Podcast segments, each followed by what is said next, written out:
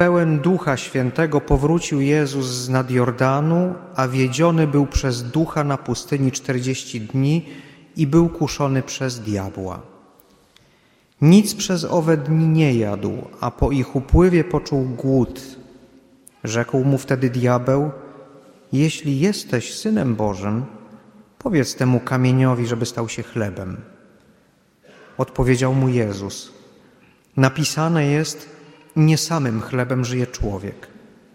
Wówczas powiódł go diabeł w górę, pokazał mu w jednej chwili wszystkie królestwa świata i rzekł do niego: Tobie dam potęgę i wspaniałość tego wszystkiego, bo mnie są poddane i mogę je dać komu zechcę. Jeśli więc upadniesz i poddasz, oddasz mi pokłon, wszystko będzie Twoje. Lecz Jezus mu odrzekł: Napisane jest Panu Bogu swemu będziesz oddawał pokłon i Jemu samemu służyć będziesz. Zawiódł go też do Jerozolimy, postawił na szczycie narożnika świątyni i rzekł do niego: Jeśli jesteś synem Bożym, rzuć się stąd w dół. Jest bowiem napisane: Aniołom swoim da rozkaz co do ciebie, żeby cię strzegli i na rękach nosić cię będą, byś przypadkiem nie uraził swej nogi o kamień. Lecz Jezus mu odparł: Powiedziano: Nie będziesz wystawiał na próbę Pana, Boga swego. Gdy diabeł dopełnił całego kuszenia, odstąpił od niego do czasu. W ostatnim dniu rekolekcji o znakach Bożej obecności no, trzeba jakoś spuentować i wylądować.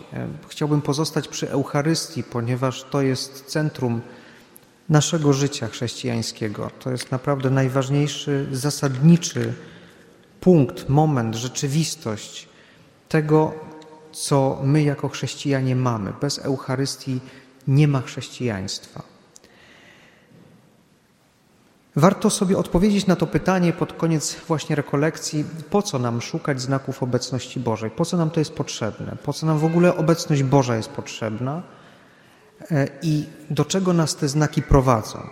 Otóż szukają, e, potrzebne nam są te znaki do tego i po to szukamy obecności Boga, e, żeby doświadczyć tego, co psalmista w dzisiejszym, w dzisiejszym psalmie, psalmie 91. Bądź ze mną, Panie, w moim utrapieniu. Otóż, moi drodzy,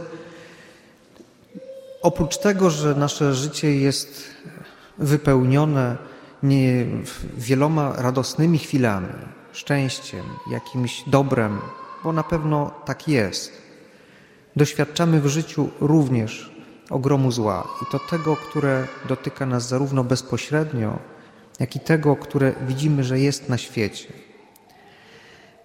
I znaki Bożej obecności, sama obecność Boga jest nam potrzebna, po prostu jest nam potrzebna, ponieważ Bóg jest wszechmocny. To Bóg trzyma w ręku całą ziemię, cały wszechświat. I to On jest tym, który nas od tego zła ratuje po prostu. To jest to słowo, które jest tak często używane w Kościele i czasami już go nie słyszymy. To jest słowo zbawienie. Zbawienie, czyli ratunek. Bóg nam przychodzi z pomocą. Tego akurat w tym psalmie dzisiaj nie śpiewaliśmy, on jest dużo dłuższy. A chociaż tysiąc padnie po Twojej prawicy i dziesięć tysięcy u lewego Twego boku, Ciebie to nie spotka. To są takie gwarancje, które, które, które dane są człowiekowi, który właśnie odda się w opiekę Najwyższego, Najwyższemu i w Jego cieniu mieszka. Ale jak się to dzieje? Dzieje się to, czy skoncentrowana jest ta tajemnica, czy podsumowana, dana, dane są nam owoce tej tajemnicy i tego ratunku od zła właśnie w Eucharystii. Przy pierwszej niedzieli Wielkiego Postu wchodzimy na tę drogę, która ma nas doprowadzić. Mamy Wielki Post, potem jest Wielki Tydzień i ona nas prowadzi, ta droga, do Wielkiej Nocy Zmartwychwstania Pańskiego. Powstania z martwych. Jezus Chrystus powstaje w ludzkim ciele, z naszą naturą z martwych, ze śmierci. A to oznacza, że my, o tym była wczoraj mowa, jesteśmy z Nim złączeni. My stajemy się częścią samego Pana, my razem z Nim wstajemy ze śmierci, z tych wszystkich śmierci, które nas próbują już na wieki pogrążyć. I jak to się dzieje? Co takiego się dzieje, co takiego się wydarza, że to się dzieje? Najpierw znowu trzeba zwrócić uwagę, to tylko zrobimy tak z lotu ptaka, jak mówimy na Eucharystię, jak inaczej określamy Eucharystię. Mówimy jeszcze o uczcie pańskiej, o Najświętszej ofierze, o łamaniu chleba, pamiątki męki, śmierci i zmartwychwstania. Tak określamy Eucharystię. I warto też na te określenia zwrócić uwagę, ponieważ Eucharystia zaczyna się tak samo jak Ewangelia po grecku, euangelion, a tu jest Eucharistia, oznacza dziękczynienie. E, oznacza ona również, właśnie to eu oznacza dobry, a charis oznacza dar, oznacza dobry dar. To jest pierwsze znaczenie. Najświętsza ofiara, ofiara, którą z siebie samego złożył Pan. Dlatego jest ona najświętsza. Jest jeden święty, a my uczestniczymy w Jego świętości. I wreszcie uczta pańska. My dzisiaj trochę straciliśmy może wyczucie tego, czym jest uczta. My nie głodujemy. Otwieramy lodówkę, mamy pod dostatkiem mięsa, nabiału, w chlebaku jest chleb. Natomiast starożytni Izraelici żywili się bardzo prosto i skromnie. To był naród rolniczy, naród koczowniczy. Oni jedli jakiś tam chleb, przekwaszony nabiał, popijali to, popijali to wodą albo no, i, i spożywali do tego trochę jeszcze tłuszczu. Uczta była zawsze ze specjalnej okazji. E, to było narodzenie się dziecka, to była, był, był, był, był ślub na przykład. Nie? I wtedy z tej okazji na stół, na stole występowało również mięso. To już był naprawdę zbytek, ponieważ zwierzę dostarczało pożywienia codziennie. Nie jadło się codziennie mięsa. Więc występowało mięso i występowało jeszcze wino, które, tak jak psalmista mówi w jednym z psalmów, wino, które rozwesela serce człowieka. To były te specjalne okazje, gdzie zaznaczano właśnie jedzeniem, że jest coś specjalnego się wydarzyło. I teraz, kiedy świętujemy, kiedy celebrujemy Eucharystię, warto sobie uzmysłowić te wszystkie znaczenia. One się skądś wzięły, one w jakiś sposób Eucharystię opisują. Kiedy mówimy Eucharystia, żeby zrozumieć jej istotę, powinniśmy się cofnąć do wieczernika, czyli do tego momentu, kiedy Pan Jezus ustanawia Najświętszą ofiarę, kiedy ją pierwszy raz celebruje. Ale warto też mieć świadomość, że Pan Jezus nie wymyśla niczego nowego. Pan Jezus spożywa ze swoimi uczniami ucztę paschalną. Co to znaczy? Pascha po hebrajsku Pesach oznacza przejście.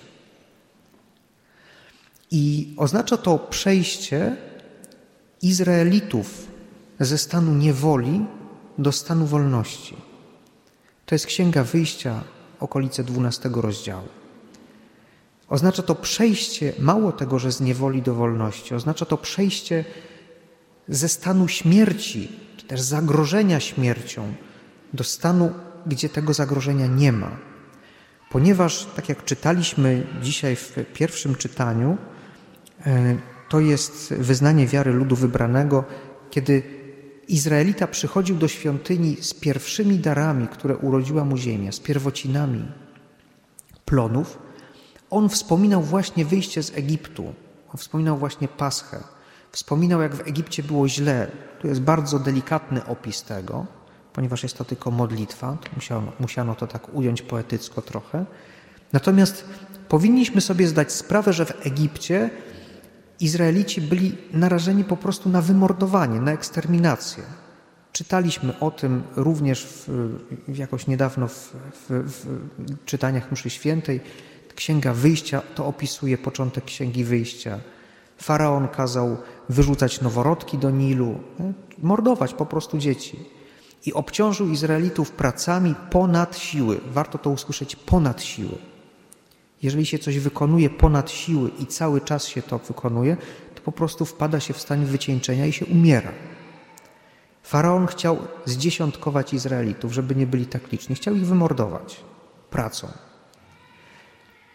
I Pan usłyszał głos swojego ludu i powiedział: Wyprowadzam was z tego stanu. I ze względu na to, że jest to tak ważne wydarzenie, że ja was wyzwalam od śmierci, macie przygotować ucztę, właśnie ucztę wyjścia, ucztę paschalną. A ja, kiedy wy będziecie spożywali tę ucztę, ześlę ostatnią plagę na Egipt, czyli dam im ostatni znak, że mają was wypuścić. Anioł śmierci przejdzie i zabije wszystko, co pierworodne w Egipcie. Ale wy się od tego uchronicie.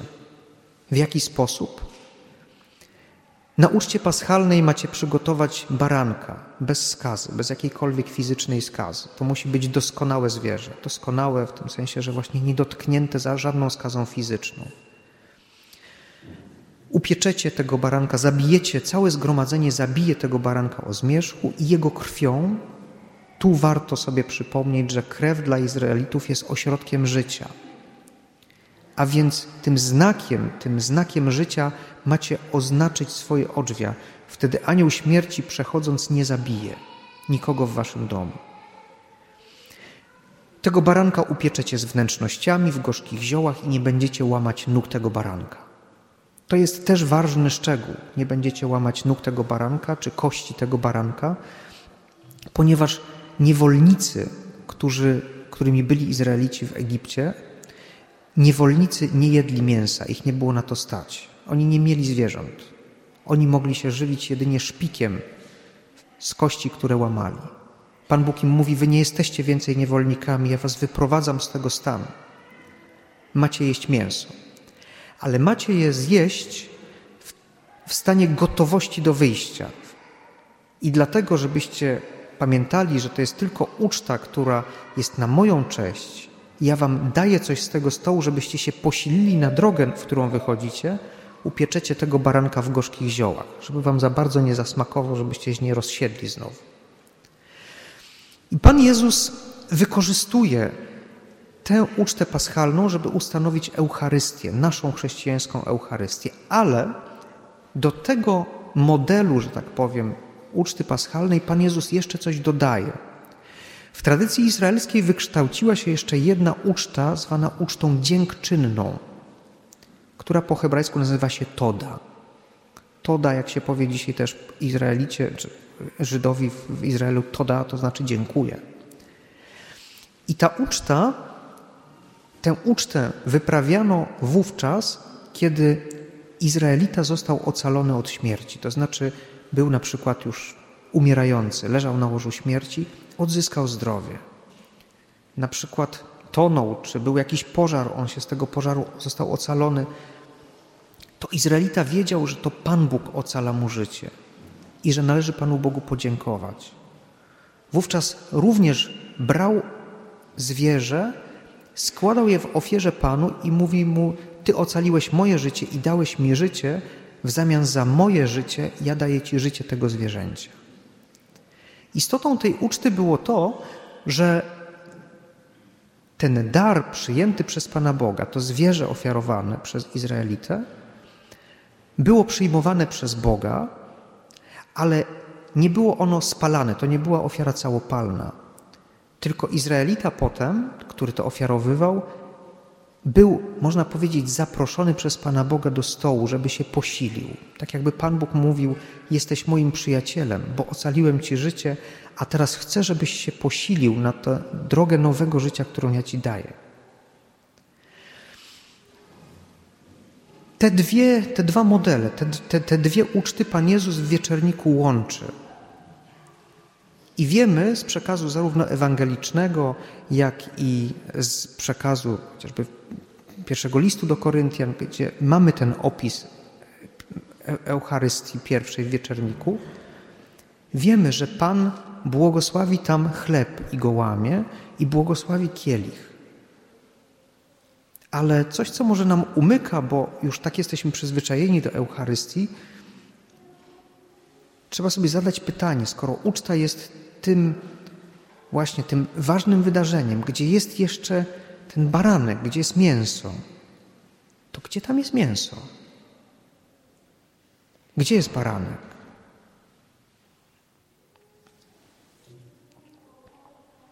Barankiem staje się sam Pan. I to, co w Starym Przymierzu, co w Księdze Wyjścia było opisane jako baranek niepokalany i bez skazy, w sensie fizycznym, to tutaj Syn Boży, Bóg człowiek, jest tym duchowym barankiem, tym, który gładzi grzech świata, tym niepokalanym barankiem. To, co w odniesieniu do baranka paschalnego, tego starożytnego z Księgi Wyjścia było powiedziane, będzie upieczony na e, ogniu z wnętrznościami i kości jego nie zostaną złamane, to spełnia się na Panu. Śpiewamy o tym w pieśni Krzyżu Święty między innymi, żebyśmy czcili na słońcu upieczonego baranka wielkanocnego. I kości jego nie zostały złamane. Ta, widzicie, obietnica, ten typ, który jest zarysowany w, w uczcie paschalnej w Księdze Wyjścia, spełnia się w swojej dosłowności, ale też w całej głębi właśnie w osobie Jezusa Chrystusa, który, jest, który ofiaruje sam siebie, żeby wyprowadzić nas ze śmierci, z każdej naszej śmierci do życia, z każdej naszej niewoli do wolności. Składa swojemu Ojcu dziękczynną ofiarę za to, że On to robi. I sam ofiaruje się jako baranek, którego mamy spożywać, żebyśmy mieli siłę na tę drogę życia, którą Pan nam daje, na to nowe życie, które w nim mamy. To jest, moi drodzy, wymowa Eucharystii. To jest ten sposób, w jaki Pan Bóg działa. I można by sobie w tym momencie, i trzeba sobie zadać też w tym momencie takie pytanie, które na pewno się zrodzi w niejednym sercu, w niejednej głowie, ale czy to musiało być tak, że to sam Bóg musiał tak cierpieć i się ofiarować w taki sposób? Czy nie można było tego zrobić inaczej? Kiedy wspomnimy wszystkie okropności, które znamy z XX wieku, z historii, z telewizji może nawet, wszystkie wojny, zarówno pierwszą, drugą wojnę światową, wszystkie reżimy, komunizm, nazizm, wojna w byłej Jugosławii, w Kosowie, to co się działo, to co się dzieje w tej chwili za naszą wschodnią granicą. To są takie okropności, to jest coś tak przeciwnego życiu, że chyba zdajemy sobie z tego sprawę, że nikt z ludzi nie jest w stanie przywrócić równowagi, jakoś wy, wyrównać tego zła, przeważyć tego zła. I w tym kontekście staje się jasne, że to tylko Bóg swoją wszechmocą mógł przeważyć to zło.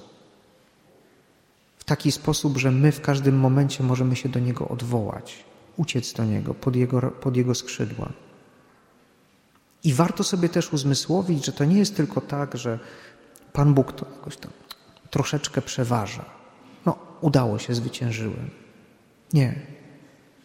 Ofiara z życia samego Boga człowieka jest tak wielka, ta miłość i moc, która jest w tej ofierze, jest tak przeogromna, że cały bezmiar zła wszystkich wieków, które były i będą i obecnego czasu, wpadają w to Boże miłosierdzie, tak jak to święta siostra Faustyna opisuje, jak kropla w ocean.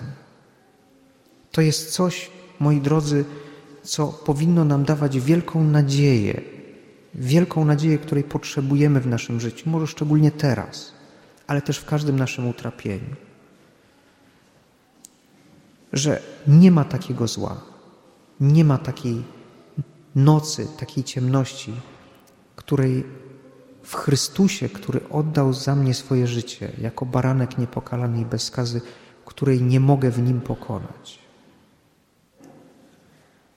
To jest znaczenie Eucharystii. To jest ten znak obecności Bożej, moi drodzy,